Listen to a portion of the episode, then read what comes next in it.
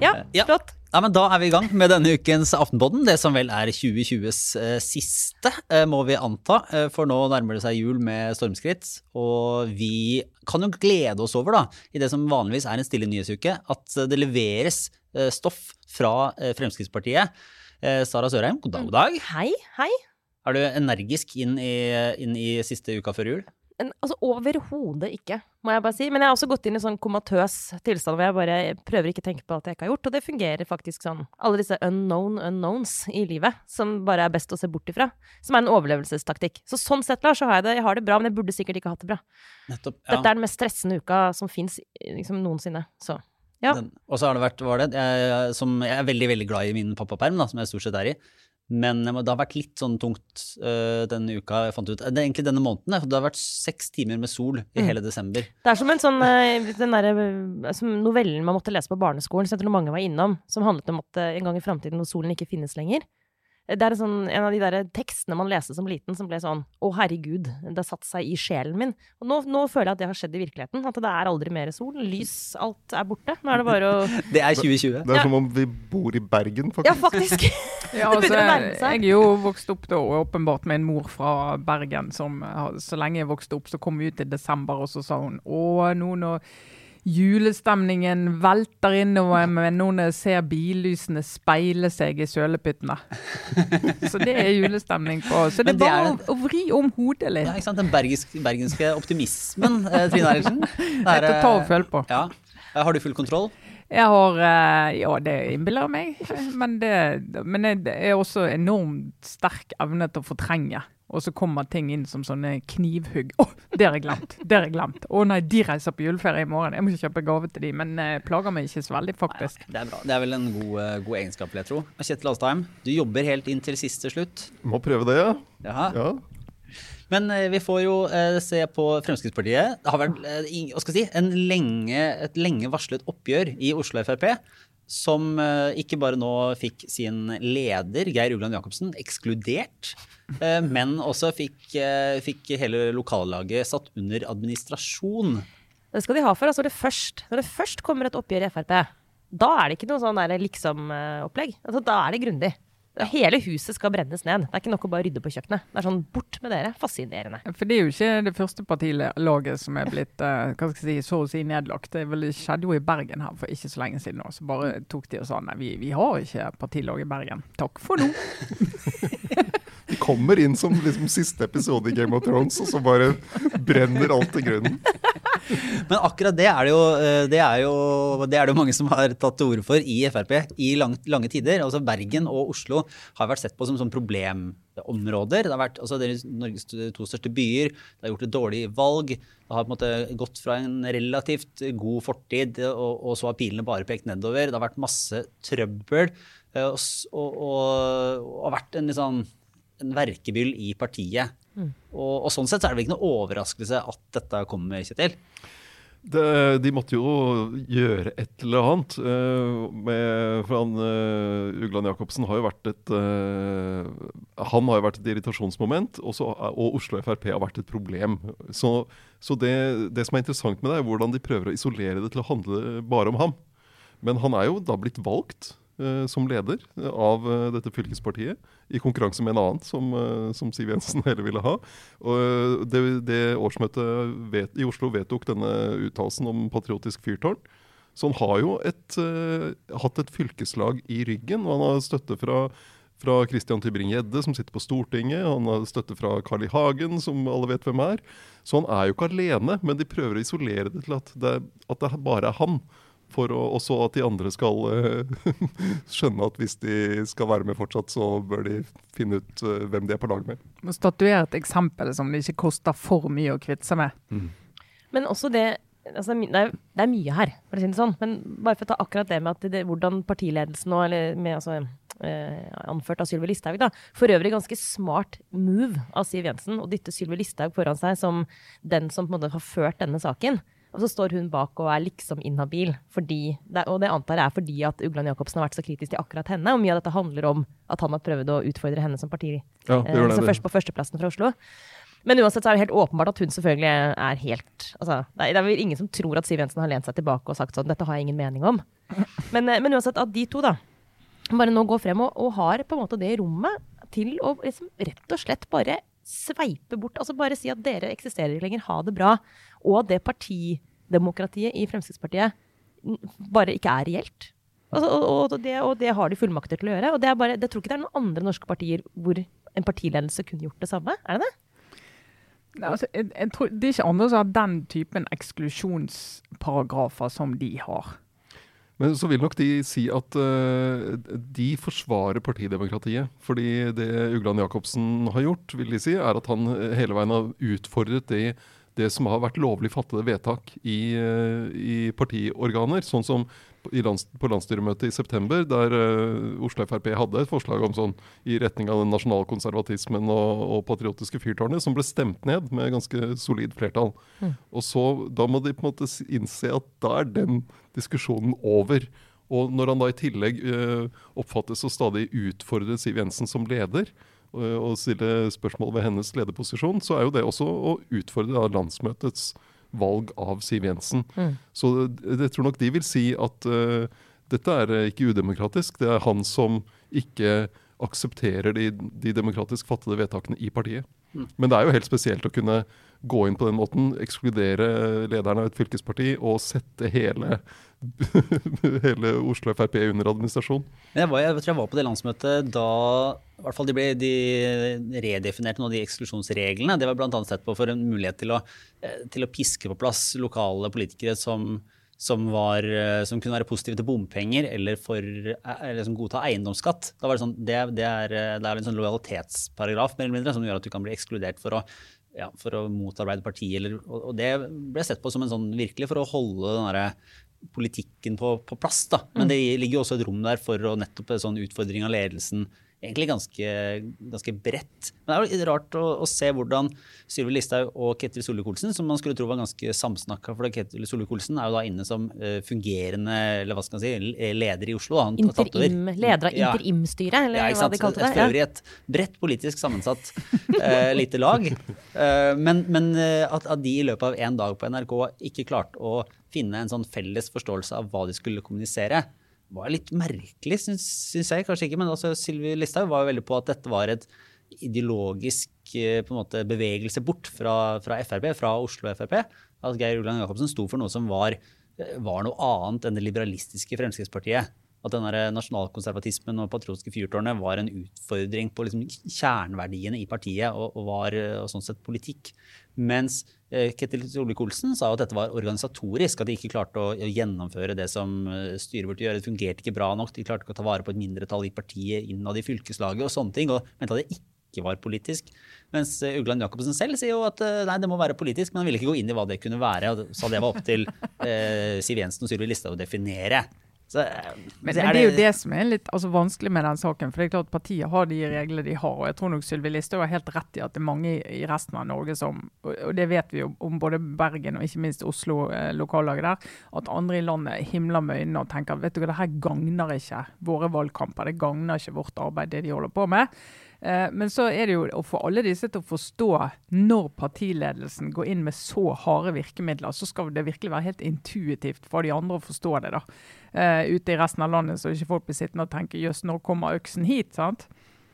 For det er men altså, i Ankepunktet, og det har vært, eh, vært sagt i Frp lenge, og, og at Oslo kanskje har vist fram mer enn noen annet det skillet mellom et sånn, de som vil ha et sånn liberalistisk politikk, nei til avgifter, stort sett mer frihet til enkeltmennesket, den biten, og, og de som på en måte går inn i en sånn kulturkamp. Og der har jo Oslo vridd seg veldig til eh, på en måte frykt for islamisme, eh, innvandringspolitikk, eh, nei, altså sånn klimaendringsfornektelse en del sånne kulturverdier. Jeg har liksom gått til identitetspolitikk, amerikansk eh, stil. Og det, der er jo den der, Det er vel der spenningen måtte ha ligget sånn politisk. Ja, og der er han jo ikke alene. Det er bare å se på Christian Tybring-Gjedde. Han har jo vært veldig stille nå, så det blir spennende å se hva, hvordan han posisjonerer seg. Men han, han eh, vant jo da en kampvotering på landsmøtet i fjor om plass i sentralstyret. Så det, og det at han ble valgt inn, viser jo at det er, det er ikke bare en liten gjeng i Oslo som, eh, som har de, de holdningene eller, vil ha den tilnærmingen til globalister og klimahysteri og den slags. Når han, når, han, når han greide å bli valgt inn, så er jo det et uttrykk for at det er en strømning i partiet som ikke er ubetydelig, og som ikke kan isoleres til Geir Ugland Jacobsen alene. Men jeg synes det er interessant her da nettopp det at, at det nettopp er Sylvi Listhaug nå som går tydeligst ut i, liksom, på det ideologiske sporet og avviser eh, Oslos liksom, altså, den, den stillingstagenen der. da. Eh, mens Ketil Solvik-Olsen som var inne på, er litt mer på at det er brudd på organisasjonens regler. Fordi sånn, Det ville vært lett å forestille seg at den delen av Frp som du beskriver nå, Kjetil, at de var på en måte Sylvi Listhaugs grunnfjell i partiet. Siden hun har jo blitt veldig tett koblet med nettopp den. Eh, om ikke like uttalt, så for hun er på en måte av, av den, de som er i ledelsen i partiet nå, så er det hun som er absolutt aller tydeligst har lent seg i den retningen. Så jeg vet ikke hva dette her betyr i forhold til liksom, hennes eventuelle framtid i partiet, og om dette er en sånn bevisst, altså at hun beveger seg inn mot sentrum nå helt bevisst for å kunne ta over partiet som leder etter Siv Jensen, eller hva som foregår der. For det er en helt sånn overraskende at det er akkurat Sylvi Listhaug, av alle, som tar den nestleder, da. Hun er jo nestleder som en gang Siv Jensen er inhabil og ikke kan gjøre det, så er jo det i rollen hennes å gjøre det. Ja, men hun hadde jo ikke trengt kanskje å ta det altså Det at hun går så sterkt ut nettopp mot det nasjonalkonservat, eh, altså nasjonalkonservatisme som begrep og altså Hun kunne vel gjort dette på en litt mer sånn, hva skal jeg si, ikke-ideologisk måte, da, hvis hun ville. Ja, hvis hun ville kunne hun ha gjort det, men hun er jo faktisk opptatt av å liksom si at det her gir meg assosiasjoner til nas nasjonalsosialisme. Hun er jo veldig tydelig på det, så hun sier jo det alle andre tenker. Det, ja, men egentlig. det, ja, for da, er sånn, plutselig er det Sylvi Listhaug som på en hitler debatten i Ja, ja, eget ja. parti. Ja, virkelig. Og det er jo utrolig sterkt å gjøre, da. Ja. Og liksom anklage de for å røre litt i, i det vannet, da. Men, det, men der tror jeg faktisk oppriktig at det mener Sylvi Listhaug. Mm. Altså helt sånn oppriktig. Men jeg tror at noe der, øh, og det gjelder for egen del, at det er jo lett å analysere et parti utenfra og tenke at de høres like ut, eller at der er det på en måte de må være samme lag eller samme fløy. og er det Carl I. Hagen og, og Christian Tybring-Gjedde liksom peker på Sylvi Listhaug, hun er tøff i retorikken, derfor må de være sammen. Men jeg tror jo det viser litt, som man ofte ser, at, at mange Det skal ikke si at de er egoistiske, men at det er liksom motivasjonen for å gjøre noe eller spille på lag, det skifter veldig fort. da. Altså, Per- Per-Willy Amundsen er jo nå inne i dette interimstyret, og han har jo vært altså, Han var jo nasjonalkonservativ for halvannet år ja, ikke siden. sant? Han var stolt over å kalle seg nasjonalkonservativ, og, og, liksom- og forsvarte Kent Andersen da, som er med han liksom ytterliggående i Oslo Frp. Men det, han var ikke det lenger nå. Nei, nå var ikke han det, og nå var han helt enig i at dette går ikke. Mm. Så, Så det, ikke sant? Han, er, han har jo på en måte beveget seg i sosiale medier og i mange liksom, deler av sin sånn, politiske virke til å liksom, egentlig legge seg ganske tett opp til Oslo Frp, sånn som de har Ja, ja, og virkelig, egentlig litt rart. Jeg savner egentlig det der eh, War on War on Christmas-innlegget fra Per-Willy Amundsen, som han jo har lagt ut på Facebook er hvert år nå. Jeg det er fortsatt en uke igjen. eh, Ja. Og rydde opp litt i Oslo. Altså, nei, han har jo absolutt eh, om, om noe altså, Av alle er jo også han den aller tydeligste nettopp på det som i hvert fall sett utenfra nettopp oppfattes som en sånn ja, nasjonal Altså veldig eh, på grensen til ja, De kan jo få kalle det nasjonalkonservatisme, da, men det lukter jo av noe litt annet eh, innimellom. Og der er det jo ja, Jeg bare bare si at Sylvi Listhaug faktisk liksom rett ut sier at dette minner om ting vi ikke liker. Det, det til hennes ære, egentlig, for så vidt. Men også en, nok en gang sånn overraskende move fra hennes side. Men det er, det, er, det jo viktig å huske på at, huske på at både Listhaug og Per-Willy Amundsen er jo også politiske praktikere. Altså, Ja. de, de har sittet i regjering, de, sitter, de er sentrale har, viktige posisjoner for partiet nå. Altså Listhaug som nestleder og, og Amundsen som stortingsrepresentant. Og de sitter jo og, og driver politikk hver dag. Og, uh, inngår avtaler med regjeringspartiene, uh, prøver å finne løsninger. Og så har, har de øh, en hva skal vi si, provoserende stil utad ganske mange ganger. Men, men de, de, er, de, er, de er et helt annet sted i, hva, i det å drive politikk praktisk enn det Ugland Jacobsen f.eks. er. Mm. Men er det nå Altså, for, eh, for de fleste i Norge, vil jeg absolutt anta, så er jo Oslo Frp det er jo mer Carl I. Hagen enn det er Geir Ugland Jacobsen. Altså hvis, hvis, du, sånn, hvis, hvis poenget også er, og det har de vel ikke sagt rett ut, men at Oslo Frp skal styrke seg inn mot valget neste år, eh, for, å, for det holder ikke hvis Frp har 5% i Oslo, og da vil nasjonale resultater bli for dårlig. Så de må jo gjøre det litt bedre. Men hvis de skal vinne over det, liksom få til en sånn endring, så virker det jo litt rart da, at, at den som Karl Carl I. Hagen som målbærer ja, Jeg skal ikke komme prosentandeler, men stort sett det samme som Jacobsen, eh, og for den saks skyld Christian Tybring-Gjedde skal fortsette å, stå, stå rett bak eh, Siv Jensen på lista til eh, stortingsnominasjonen og skal fortsette å være antageligvis et sånn offentlig talerør for Oslo Frp. Men, men kan Siv Jensen eller Sylvi Listhaug gjøre noe med dem? Eh, ja, det kommer jo litt an på hvordan de håndterer den situasjonen nå, da. Eh, men så jeg, jeg tror noe av problemet her for Siv Jensen er at hun har latt Oslo Frp bare forfalle for seg selv. At ikke hun og hennes folk rundt omkring i partiet, også i Oslo, de har ikke orket å gå inn i det. Og så har de bare latt la dem surre på, liksom. Og så kan vi sitte i regjering og, og den slags og drive med ordentlig politikk. Og det straffer seg nå. Altså, unnskyld, beklager. De der, um, altså den taktikken som Frp jo uh, rendyrket egentlig med stor suksess i begynnelsen av uh, sin regjeringsperiode, med å ha liksom regjerings-Frp og stortings-Frp, og tilsynelatende ri de to hestene helt uten at det var noe problem, liksom. At man kunne helt fint ha Helt fint ha en gjeng på Stortinget som egentlig var bare i opposisjon til egen regjering. Det var jo lenge det inntrykk av at det på en eller annen måte fungerte. Fungerte for Frp på en helt annen måte enn det gjorde for SV f.eks. i den rød-grønne regjeringen, som bala fælt med identiteten sin. Men nå kanskje, da, mulig jeg trekker det litt langt nå, men nå ser vi på en måte litt at den modellen på en måte har krasjlandet. Altså nå, gå, nå gikk det ikke lenger. Eh, Og kanskje har, du, som, kanskje har Siv Jensen latt det gå for lenge med å nettopp være ikke helt eh, liksom, ikke tett nok på. Men det rare er at det skjer nå, når de ikke er i regjering. Men det er, jo, det er jo ett år før valget. Eh, og det er en Ja. nominasjon, og de er nødt til å sikre seg at de som skal jobbe for Oslo inn mot det valget, faktisk får den oppslutningen som de trenger for at de skal, de skal få den eh, de antall plasser som de er nødt til å ha for å ha noe for, Det nytter liksom ikke med høy oppslutning i hele landet hvis ikke du fikser Oslo. Og Mm. Det har jo vært problemet i, i flere år. sånn at De har jo kunnet la det ligge litt, men det er jo helt riktig at Siv Jensen har jo, de har jo forsømt seg, ledelsen i partiet. De har jo forsømt seg, for det her har jo ligget ulmet, og det har vært et problem i flere år. Og de har gjort elendige valg i flere år. Ja, også, så, så har det kanskje ikke gått så lang tid, men altså at det skjer Men det sa for så vidt Sylvi Listhaug selv også, at det har tatt litt for lang tid. Mm. At det måte kommer en slags innrømmelse der, da. Men at det, at det skjer nå såpass lenge etter at de gikk ut av regjering og i teorien kunne ha jobbet med å bygge partiet nedenfra igjen og jobbe med de ulike fylkeslagene osv. Men, men de, de skal nok en gang de skal ha for det. Når de først, når de først trår til, så gjør de det grundig. Ja, altså, ja, så er det spørsmålet om det er eh, greit, da, eller, eller om det er et, sånn, et maktgrep som, som en eh, liksom vil fraråde. Jeg vet ikke på, hvem, på vegne av hvem en skal, skal ta den. Men det er jo liksom, om man synes det er, sånn, det er bekymringsfullt at, den, at ledelsen går inn og bare utraderer eller endrer på et fylkeslag på den måten, eller om det er helt sånn fritt innenfor et parti å, å gjøre, ta sånne oppgjør. Men altså, jeg, jeg tenker altså, i en, I en ideell verden da, så ville jo dette da foregått som en politisk diskusjon i partiet, og så hadde de hatt noen tautrekninger. Men så er det jo sånn i alle organisasjoner, bedrifter, partier, alle steder, når du har tatt en beslutning og du er enig om noe, så må du på en måte legge, legge vekk den diskusjonen helt til neste gang det er rammer for at du tar det opp igjen. sant? Og det har de jo. Det har de jo ikke gjort i Oslo Frp, og det har ikke lederen i Oslo Frp, det, egentlig det store fylkeslaget, gjort. Og det, Da ser du i hvert fall at partiledelsen har behov for å gjøre noe. I andre partier har de jo ikke muligheten til å gjøre, bruke så harde virkemidler som de har brukt her. da. Så har det jo vært, har vært et spørsmål i Frp i, i mange år. Jeg husker jo altså, tidligere fra debattene der Per Sandberg var eh, måte, i konflikt med eget parti, kom i bok og snakka om biljardkuler og, og hvordan han hadde hatt uenighet med Siv Jensen.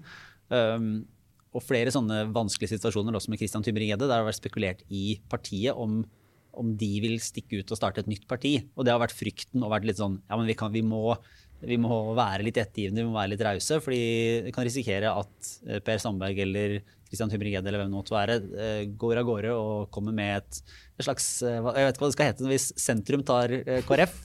Så kommer det et nye Fremskrittspartiet og skaper trøbbel. da. Er det noe som tyder på at det blir en del av vurderinga nå? Men husk, Vi snakket mye om det da Frp gikk i regjering. så var det en sånn diskusjon. Da er det jo å skal samarbeide med Mm. KrF og Venstre at de vil måtte nærme seg sentrum mer i ren praktisk politikk og, være en, og forsvare det. Eh, og da kan du risikere at det vokser opp noe på utsiden. Det gjorde det aldri i alle de årene.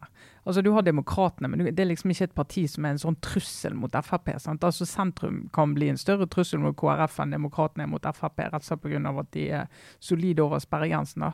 Men vi har jo ikke sett, nesten uansett hva Frp har gjort av eh, kompromisser, så har vi jo egentlig ikke sett sånn reelle, gode forsøk på å starte noe på utsiden. Og, det, og jeg tenker jo for Norge, da, det at du greier å ha et parti som tar opp i seg stemmene til de som er mest eh, innvandringsmotstandere. Altså De mest intense motstanderne mot innvandringer, de er innenfor et, parti som faktisk fungerer og inngår kompromisser og forhandlinger på Stortinget. Det er jo en stor fordel for, for eh, politikken i Norge. At ikke alle disse går ut i et sånn ettsaksparti og faktisk får høy oppslutning. Sånn at I Frp klarer du å håndtere de på en måte så? Vi, vi, vi følger med på de, alle følger med på de for denne diskusjonen her. Men det er jo et eller annet bra med at de velgerne er der, og ikke et helt annet sted. Og så er jo ikke problem, Problemet for, eh, for Frp nå er jo ikke eh, et mer eh, altså enda eh, tøffere parti i innvandringspolitikken eller el- enda hardere i debatten om uh, islam og sånt. Det er Senterpartiet. Mm. Og det, de snakker minst mulig om innvandring og asylsøkere, og mest mulig om alt mulig annet. Distriktspolitikk og sentralisering og avgifter. Så det er, det er noe med Det er ikke en veldig stor sak. Innvandringsspørsmål er ikke en veldig stor sak for så veldig mange akkurat nå. Det er en veldig stor sak for uh, deler av Oslo Frp, i hvert fall. Tror jeg, Ja, hvilken dag det er. og hele Ja. tiden. Og der er de jo litt alene, og det er jo litt problemet, da. Da tror jeg vi går videre til en eh, liten runde på, på en eh, årlig tradisjon. Du, Kjetil, har vært på statsministerens opp, hva heter det? Oppsummerende pressekonferanse pressekonferanse Mm. før jul. Som eh, vanligvis er en litt sånn høytidelig anledning. Litt sånn fjong, eh, hyggelig juletradisjon der eh, journalister kommer inn i statsministerboligen, altså representasjonsdelen der. Og der er det mye sånn forgylte juletrær og ganske sånn eh, flott lokale, og så Ja. sitter man eh, rundt runde bord der, og de har liksom eh, skiver med sylte og julekaker med brunost og noen helt magiske Ja, kokosmakroner. de er sykt gode. Og så Ja. går statsministeren fra bord til bord og snakker litt med journalistene. Klarer nesten aldri å la være å irettesette litt. Og så kommer Så med små ja, ja, Ja, ja, ja. kommer hun. Ja, jeg husker det du skrev i 1992. Du tok feil, du. Sånn. Men i år var det jo da eh, det glissent, for å si det sånn. Det var, de rundebordene var helt borte, og det var liksom uh, stol, en stol med, til hver journalist med mange meter imellom i hver retning. Og så sto det da en liten goodiebag på stolen. Og da tenkte jeg siden Ja. dette er stort, stort i, på YouTube med unboxing man kjøper noe nytt, ny elektronikk eller noe sånt, så har- lager man en sånn video om der man pakker ut hva er det inni her. Så jeg tenkte vi kunne ha litt podkast-unboxing. Jeg burde ha med deg- Skal jeg prøve å filme det, så vi kan legge det ut, da? Altså, du har med deg posen fra Erna, rett og slett? Dette er posen Ja. fra Erna. Det er en papir, brun papirpose eh, der det står 'God jul'. Ja. Det, det, det er litt sånn juletrefestfølelsen, Altså, faktisk. nå, skal, nå skal ikke jeg forskuttere noen ting, men jeg ser toppen av en flaske som får meg til å Ja, eh, men Det ser litt sånn Vi ut som venter litt okay. med den flasken. Men det vi, det det ser vi litt ut som en sånn spritpose fra USA, når du kjøper alkohol på butikken og får sånn brun pose. Men først, da, hvis jeg tar opp det som er veldig klassisk juletrefest, det er jo en klementin. en klementin. Det, det er litt kjedelig, men det hører med. Vet du hva, Da må jeg bare si at i de der godteposene, den klementinen, for en forbanna nedtur. Altså, Det er bare en skam å ha det i en godtepose. Det burde ikke vært lov. Og den blir sånn klemt, og så tyter det ut sånn saft, og så ødelegger det godteriet. Men det er ikke sånn eh, eske med rosiner oppi. det. Ok, det er enda godt. Og så har vi skumjulenissen. Nei. Jo. Det er, ja, det, det er, kan jo, Hva er dette symbolikk for? Det er jo, kan jo være for statsministeren selv. Hun bare tåler alt og, og holder formen likevel. Kan klemmes på, på ulike vis. F.eks. dette med, med pensjonspengene. Hun eh, gikk med på på slutten av eh, forhandlingene med Frp. Der sier, eh, har hun jo sagt et sted at ja, men der var det jo råd i annet flertall for å gjøre noe, så da kunne vi like gjerne OK. Bla opp to milliarder. Uffa meg. Skumjulenissen. Jeg føler at det er ikke et kompliment å ha det som metafor for noe som helst. Eh, For øvrig også det tarveligste av julegodter. Disse her skumvariantene der. De er, burde vært forbudt. Og så en liten sjokoladenisse. Ja, den er fin. For å markere at eh, sjokolade- og sukkervareavgiften forsvinner 1.1., sannsynligvis.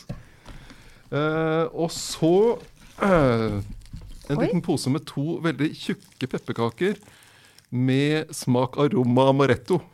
Oi, ja, ja, ja. Det er litt us- Det hadde du ikke fått av Senterpartiet. Nei. Jeg er litt usikker på hva det skal bety. Eh, så er det Det er jo da selvfølgelig eh, i vår tid en antibac-serviett. Og det var veldig mye korona selvfølgelig på den pressekonferansen. Mye snakk om det. Men til slutt, da, for det jeg har spart her, det er denne flasken som eh, Lars var opptatt av. Det er en eh, økologisk italiensk kullsyreholdig fruktleskedrikk med fruktkjøtt. Mandarin. Du, Ok, vi, den der så vi er er kun i utlandet her, altså. Ja, og det er interessant, fordi ved siden av korona så snakket hun, brukte hun ganske mye tid på å snakke om EØS og Norges forhold til Europa. Så du tolker den plassen. Jeg kan jo bare si at dette her er en helt vanlig brus å ha på bordet i, hos noen av oss. Ja, ja, ja. I deler av landet. Altså, det er ingen som drikker vanlig brus lenger. Det er jo veldig veldig usunt. Men de greiene du trakk opp nå, Kjetil, er sånne økologiske ting som på en måte er sikkert like usunt, men som er med ekte frukt oppi. Som de selger på Jacobs på Majorstua. Som er sånn brus for eh, folk som på en måte ikke kan drikke brus fordi det tar seg ikke ut. Så bare så du vet det, så du rykket ganske kraftig opp nå i altså Du tar med den hjem, så har du liksom gått to-tre hakk opp i bordiøs sånn pyramide. over, Strålende. Det, det er drømmen, Ja. faktisk. Men eh, det, er, det at hun bruker så mye tid på EØS Jeg bare si det, Kjetil, hvis du gjør dette, du kommer til å få enorm kritikk fra, fra Distrikts-Norges fremste talsmenn. Jeg skal ikke si det, si det til Skjalg Fjellheim eller Skjalgheim, som jeg kom til å kalle ham på Dagsnytt 18 denne uken. Men hun, har, hun brukte mye tid på EØS uh, på denne pressekonferansen. Og hun gjorde det samme da hun møtte eh, Trygve Slagsvold Vedum, som er leder av Senterpartiet, i Politisk kvarter i forrige uke. Og det, det virker som de trapper opp litt, den, eh, den der EØS, vil ha den EØS-diskusjonen med Ja. Senterpartiet, rett og slett. Ja, det er interessant. Bent Høie var jo også veldig, veldig, veldig opptatt av det. eh, Da han på pressekonferansen da han fortalte om at vi får vaksine, så var han så opptatt av liksom, tror, Det nesten det første han sa, var at dette hadde ikke vært mulig uten vårt samarbeid med EU. Og uten EU ville vi sittet her uten noe som helst. Og det var nesten litt sånn, det var såpass påfallende at det virket som det var veldig sånn bevisst at han skulle løfte fram det europeiske samarbeidet som suksesskriterium nummer én. Da. Men det, det virker litt sånn eh, som en sånn politisk ideolog-nerd som har sittet og analysert Senterpartiet, og så tenker at ja, det er EØS som er det beste å angripe dem på. Altså, som, om at, som om folk sitter rundt og tenker at altså, det kan umulig være den politikken de opplever på bakken, og de tinga som faktisk gjennomføres i hverdagen folk er mot. Det må være holdningen til europeisk samarbeid. Men det er jo en, på en måte, tror du, tror du det er en politisk sak som folk frykter at det liksom vil bli ordentlige endringer. Altså, Senterpartiet er jo mot EØS-avtalen og bla, bla, Ja. men, men uh, tror du det er noe folk føler på? Altså Det er en god, god mulighet for, uh, altså de som nå, for Høyre da, å angripe både Arbeiderpartiet, som skal samarbeide med et Senterparti som er mye større enn sist. De var i regjering og var, fremdeles var mot EØS og EU. Og de skal samarbeide med SV sannsynligvis, som også er mot EØS. Og da kan jo Høyre de kan både utfordre Senterpartiet. Ja, hva vil dere egentlig konkret? Hva har dere tenkt å gjøre? Og så vet vi det at holdningene til EØS i Norge blir mer og mer positive. Altså uavhengig omtrent av parti. Langt inn, til og med Rødt. Er folk som liksom syns at dette er en god ting. Og i SV, mange syns det er en god ting. Og du får denne, eh, hvis du får en klimadiskusjon i tillegg, da. eh, Sant? MDG er nå veldig sånn, og til og med Venstre, jo vi, vi klarer ikke å gjøre dette uten EU. Eh, og så kan du få en klimadiskusjon der Høyre, hvis de liksom gnager litt på dette, så får de mulighet til å si at ja, men mange av de løsningene som de ser for seg, er ikke mulig uten dette internasjonale samarbeidet. Så hva konkret ser dere for dere? Og da kan du få, og du får jo næringslivet med deg, kan du få en del velgere som tenker ah, dette, Ja. dette, dette, var- dette syns jeg ble usikkert og rart. Kanskje ja, men spørsmålet er om det er nok, på en måte, om, om, det, hele tatt, om, det, liksom, om det er mange nok folk som akkurat liksom bekymrer seg for manglende europeisk samarbeid, til at du på en måte kan vekke begeistring for å liksom være sånn Vi er en garantist for det. For det, den der eh, appellen til Senterpartiet som går jo altså, på en måte så er det så mye mer sånn emosjonell, kan du si. det handler mye mer om hvordan folk opplever hverdagen sin mer på et sånt eh, følelsesmessig nivå. Ikke sant? Altså, hvordan mitt, ja, min, min lille verden. Og det er ganske krevende å komme da, liksom, med, selv om det er gode argumenter, komme med å forklare liksom, ja, men ikke glem den store verden. Den lille verden vil alltid vinne over den store verden, liksom, i Hearts and Minds. Jeg tror da, da er det jo helt avhengig av at de faktisk snakker om det konkrete, sånn som med vaksinen, da, Ja, som er den ja. lille verden du skal få et stikk i armen. Og der eh, Norge kom inn i vaksinesamarbeidet med EU pga. EØS-avtalen. Eh, og det, vi, Norge hadde nok fått vaksiner på et eller annet vis uh, uh, uten det også, men det var en, den kjappeste veien og en, må, måte, en mulighet for å henge seg på det samarbeidet mellom, mellom EU-landene. Og, og det her kan også dras inn i hele distriktsdebatten. Tenk på sjømatnæringen. Hvis, eh, hvis, du, hvis du sier opp EØS-avtalen, så har den store problemer, bl.a. pga. veterinæravtalen med EU, som gjør at norsk laks kan bare trille rett inn. Eh, og også med, med tilgang på arbeidskraft for de verftene som vi har vært eh, opptatt av eh, litt her i, det, i dette landet. Som også er veldig viktig for distriktsnæringslivet. Så jeg tror de er avhengig av å gjøre den debatten konkret og dra det ned helt ned til konkrete. Og så utfordre Senterpartiet og andre EØS-motstandere på og hvordan skal dere løse dette. Og så er det jo det at nå skal det da etter planen bli brexit ved begynnelsen av året. Og så får vi jo se hvordan det ruller ut. Men det er klart at hvis det blir veldig, veldig nye små kriser i Storbritannia, så får jo de som er bekymret for hva som skal skje med EØS i Norge, de får jo, de får jo masse gode argumenter og sier OK, de gjorde det, de. De gjorde det, de. Men, men her er greia sånn, det er fortsatt Uh, Er det noe som tyder på at, at Senterpartiet faktisk vinner på oppfatningen om EØS? Er, det sånn, er, er den frykten, Vil den frykten være stor nok? Hvis 70 eller hva det er, er positive til EØS-avtalen, og Senterpartiet alltid har sagt at de vil, eh, vil ut av den, så er det jo ikke noe overraskelse på en måte i det forholdet. Så er det, liksom, er det der man klarer å argumentere mot Senterpartiet?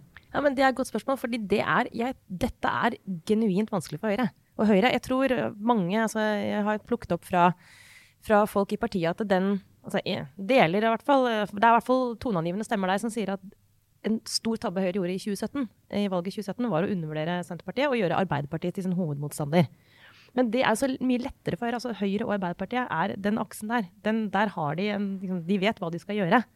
Men, eh, men, Senterpartiet er vanskelig for Høyre. Det er utrolig, altså, hva, Hvordan skal de møte, skal de møte uh, Vedums uh, Den appellen han har? Og ja, kanskje, kanskje dette er et sporet, men, men, det er akkurat det, Lars. Jeg bare det, det er krevende å komme altså Du kan også saklige argumenter du bare vil, men er det nok folk som faktisk bryr seg om det? Ja, men, det, men det, er det, det, er jo det, som er politikernes eh, jobb, da, å få folk til å bry seg om ja. saker som de ser eh, er de som skiller de fra andre partier.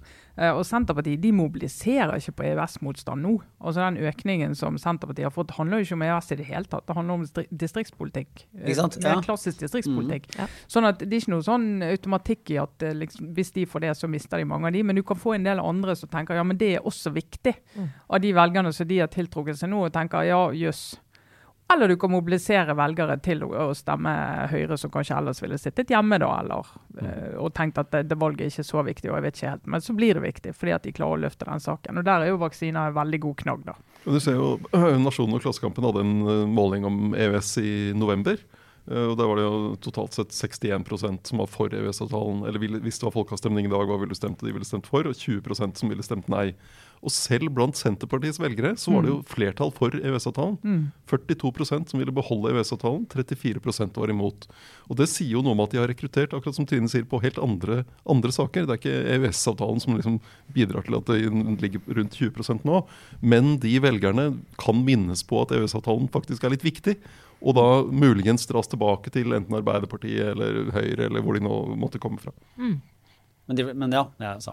De kan nei, nei, nei. Jeg orker ikke mer av dette. nei, nei, nei, nei. Eller bare, det, kan jo, det, kan jo, det kan jo på en måte fortsette i evighet. Men det, det, bare, det virker, sånn, det virker som en lettvint da, for Høyre å gå til debatt på noe som de ikke trenger å uh, Der de ikke trenger å vurdere sin egen regjeringstid kritisk. Og så mm. se at det faktisk er ting som skjer i Distrikts-Norge som gjør at, at, færre vil stemme på dem. Altså, det, det, men det kan ikke være eneste saken, nei. nei. Det kan du ikke. Det tror jeg er litt risky å gå og si nå skal vi bare snakke om EØS frem til september. Det kommer ikke til å holde. De kommer til å utfordre Senterpartiet også mye på utdanning, skolepolitikk. Ja. Det, ja.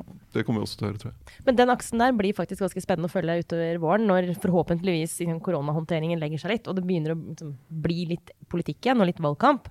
Akkurat den der, hvis det blir, og det kan jo se sånn ut, at det blir på en måte aksen Høyre-Senterpartiet som blir hovedkonfliktlinja i, i den valgkampen som kommer nå. Hvordan Høyre skal fikse det, altså hva, hvilken linje de vil legge seg på. Og hvordan Arbeiderpartiet skal håndtere da, og ikke engang være liksom, i oppmerksomhet, altså ikke ha en hovedfiende. For Arbeiderpartiet må det være et mareritt. Det er helt krise, og det har jo Høyre opplevd før. Det var jo når eh, Frp og Arbeiderpartiet var hovedmotstandere, og Høyre bare satt og så på. Og det, der vil du ikke være hvis du opplever det som styringsparti. Nei. Det kan alltid være litt behagelig å få litt mindre oppmerksomhet òg, men det, det får vi nå se på. Jeg tror vi går videre til en runde med obligatorisk refleksjon.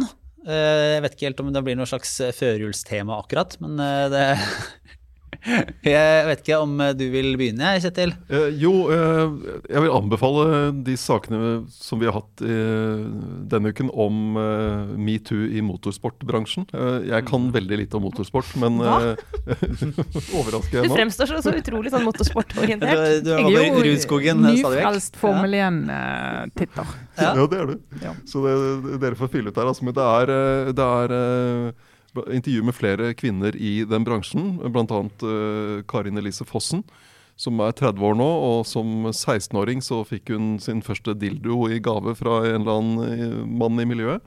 Uh, som forteller om veldig ugreie holdninger. og der det også viser seg at uh, dette Norges Bilsportforbund, som har fått uh, henvendelser tidligere, uh, ikke har grepet ta tak i det overhodet.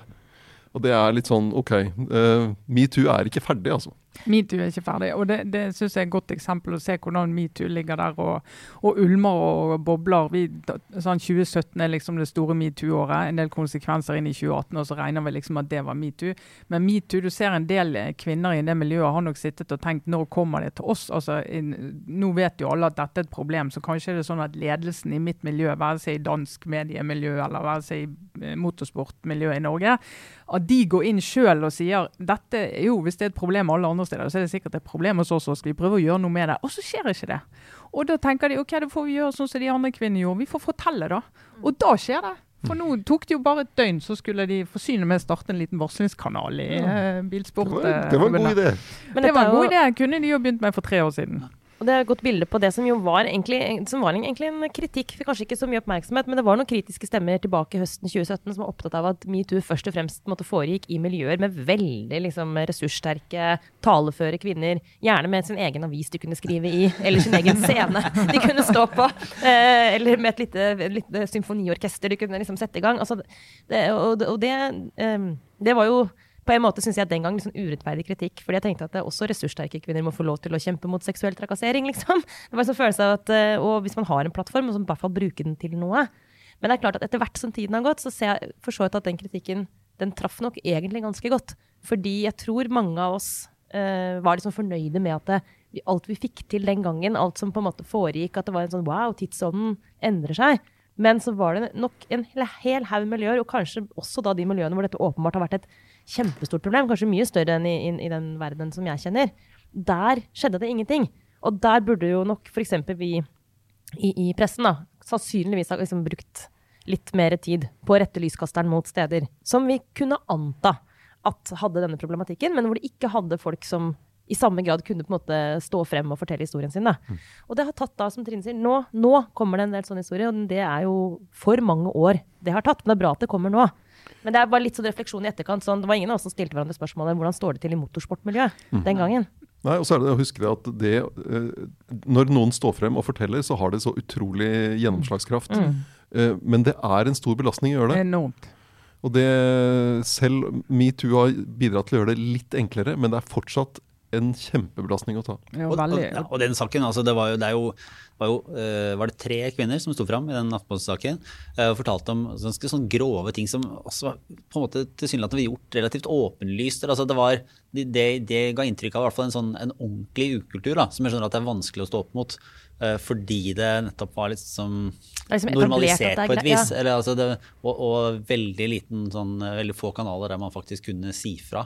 Så det jo, kan jo godt hende at selv om spørsmålet hadde kommet dit uh, for to år siden, så hadde ikke det vært måte, modent for å ta den belastningen eller si fra. Det skal ikke være noen hvilepute for, for avisene, selvfølgelig, men, men, det er nok det, det, ligger jo et eller annet der også at den der prosessen kan ta litt tid. Så det må bare være ikke bli lei av det eller la det gå, men mm. fortsette å stille de spørsmålene, da, kanskje. Sånn som Mette Bugge har gjort til, i denne, denne, saken, som har jobba veldig lenge med. Og så er det jo da bare en oppfordring til alle organisasjoner og arbeidsgivere, hva det måtte være. Ikke vent til en av dine kvinnelige ansatte ser seg nødt til å stå frem med sin historie. La hun mm. slippe det. Ta tak i det sjøl, liksom. Ja. Det må være. Men da, vi fortsetter i samme lei, faktisk. Ja. For jeg vil komme med en anbefaling. Eh, tematikken er den samme. Eh, men eh, før metoo, lenge før metoo, rundt 2011, eh, over ti år siden over ti år siden, nesten ti år siden. Eh, Dominique, Dominique ja. Strauss-Kahn, også kalt DKS i Frankrike, eh, var leder for det internasjonale, det, det, internasjonale pengefondet. Eh, og mulig presidentkandidat for Sosialistpartiet i Frankrike. Han måtte jo gå av Uh, Pga. en sak uh, der han ble anklaget for å forgrepe seg på en stupikke på et hotell i New York. Mm.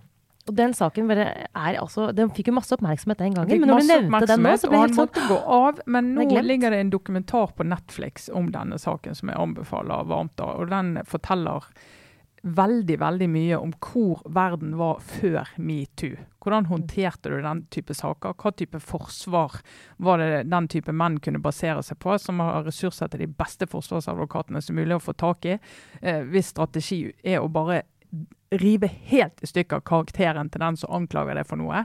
Så denne stuepiken ble jo ja, saumfart hele livet hennes. Alle feil hun hadde gjort, alt dette. Alle visste hvem hun var. Alle visste alt om henne. Detaljer fra livet hennes som hun aldri hadde sett for seg at hvem skulle få vite. Eh, hun ble liksom endte opp som en sånn lite troverdig kilde, så det ender liksom med at tiltalen blir frafalt. Eh, og, og se denne dokumentaren går, altså disse kvinnene, for det viste seg jo at det var mye mer enn denne historien her. Kvinnene forteller, eh, og de som etterforsker saken, forteller. Uh, forskjellige typer politifolk med forskjellig ståsted og forskjellig erfaring med å etterforske overgrep, og hvordan de vurderer denne saken. Og det er virkelig et enormt eh, ja, veldig sånn uh, interessant innblikk i hvordan den type saker ble vurdert før metoo. Du kan jo håpe og tro at det er annerledes nå, men den gangen der så var det noe du kunne få oppmerksomhet, litt kritikk, men det gikk bra. Åssen er det med deg, Sara? Har du en obligatorisk refleksjon inn i helgen og julehøytiden? Ja, jeg har bare et sånt lite tips. Hva jeg gjør for å ikke på en måte, bli altfor stressa og sur. Altså, jeg, det er sånne faser i livet hvor jeg enten hører på podkast eller hører på musikk. Og de ukene hvor jeg vet jeg har for mye inni hodet, eller hvor jeg vet også at jeg har altså, Nå har jeg sannsynligvis glemt halvparten av alt jeg faktisk må gjøre, så hører jeg på musikk. Da kan jeg ikke høre på noen som prater. Så det er mulig. Altså, hvis, hører, hvis, har, altså, hvis folk har slutta å høre på nå, og bytta til musikk, vår podkast, så er jeg full sympati eh, med dem. Eh, så da er rett og slett mitt tips noe så enkelt og greit som den eh, nye plata til Taylor Swift. Og apropos egentlig egentlig Taylor Swift, apropos kjønnsroller og hvordan man som kvinne kan agere i offentligheten osv., så, må jeg bare legge til at den plata er veldig, veldig fin. Det er ikke et mesterverk, sannsynligvis, men det er sånn fin, litt sånn countryaktig popmusikk som bare glir som melis. Perfekt melis eh, inn og ut av ørene. Eh, Melis i ørene. Ja. Julehøytiden uh, Ja, men jeg synes- Ja, men sånn, det vet, sånn, sånn uproblematisk, bare sånn deilig. Sånn ting du kan lime sammen pepperkakehus med. Anyways, eh, nok med den metaforen der. knekk. altså det motsatte av knekk, da. Knekk er veldig, veldig krevende. Melis er veldig fint. Eh, hun, Taylor Swift, syns jeg også som karakter er bare rett og slett en uhyre interessant eh, ung kvinnelig artist. Som gjør en del ting som jeg syns er så kult at hun gjør. Blant annet nå at hun spiller inn alle låtene sine på nytt. Eh, for å ta tilbake eierskapet. For hun har jo selvfølgelig blitt, hatt en platekontrakt i, som hun skrev under på som ung, hvor hun mista rettighetene, altså masterrettighetene til alt, alt hun har skrevet fram til omtrent for noen få år siden. Alle låtene hennes er det jo da et, et eller annet eh, fond, et eller annet investeringsfond et eller annet sted som sitter på rettighetene til. Eh, men også hvordan hun bare er veldig sånn, tydelig på å, å si upopulære ting politisk. I et land hvor det eh, å gå ut og være, bli stemplet som liksom, lefty-aktivist er potensielt en karrieredøder. Men det syns jeg Taylor Swift Der bare tenker jeg sånn Hadde jeg vært, eh, hadde jeg vært en ung hadde jeg vært ung, så hadde hun vært mitt store forbilde. Så det vil jeg bare legge til. Hun syns jeg er en kul, kul stemme. Men den plata funker. Ja, og da kan jeg bare eh, henge på en liten anbefaling, for jeg også har hørt på den eh, plata. Og den forrige, for den er- utrolig produktiv om dagen. Ja, hun har laget kommet, to ja, flere av det skal vel komme en til, eller noe sånt? Eh, ja, kanskje. Hun er litt Ja. hemmelighetsfull og også veldig god på sånne plutselige lanseringer. Men Ja. dette er jo hennes koronaplater. Altså, hun- det, de, hun har sittet inne i en dyp, dyp skog med noen venner og spilt inn musikk siste året. Mm. Og, men jeg kan bare anbefale på eh, her også den eh, jeg anbefalte den tidligere, Switched on Pop, en Vox-nerd musikkpodkast som analyserer det siste albumet i en episode og går inn og ser på hvilke sånne eh, virkemidler som er brukt, og, og diskuterer hvordan det her, på en måte, de platene, og særlig nå den siste, oppsummerer hennes karriere som musikalske steg og setter sammen uh, ulike elementer. da, og er både sånn tidsriktig, men også liksom selvrefererende. Som er en, en, en times eh, analyse av den eh, plata. Så den, eh, den er veldig kul, eh, så den kan høres.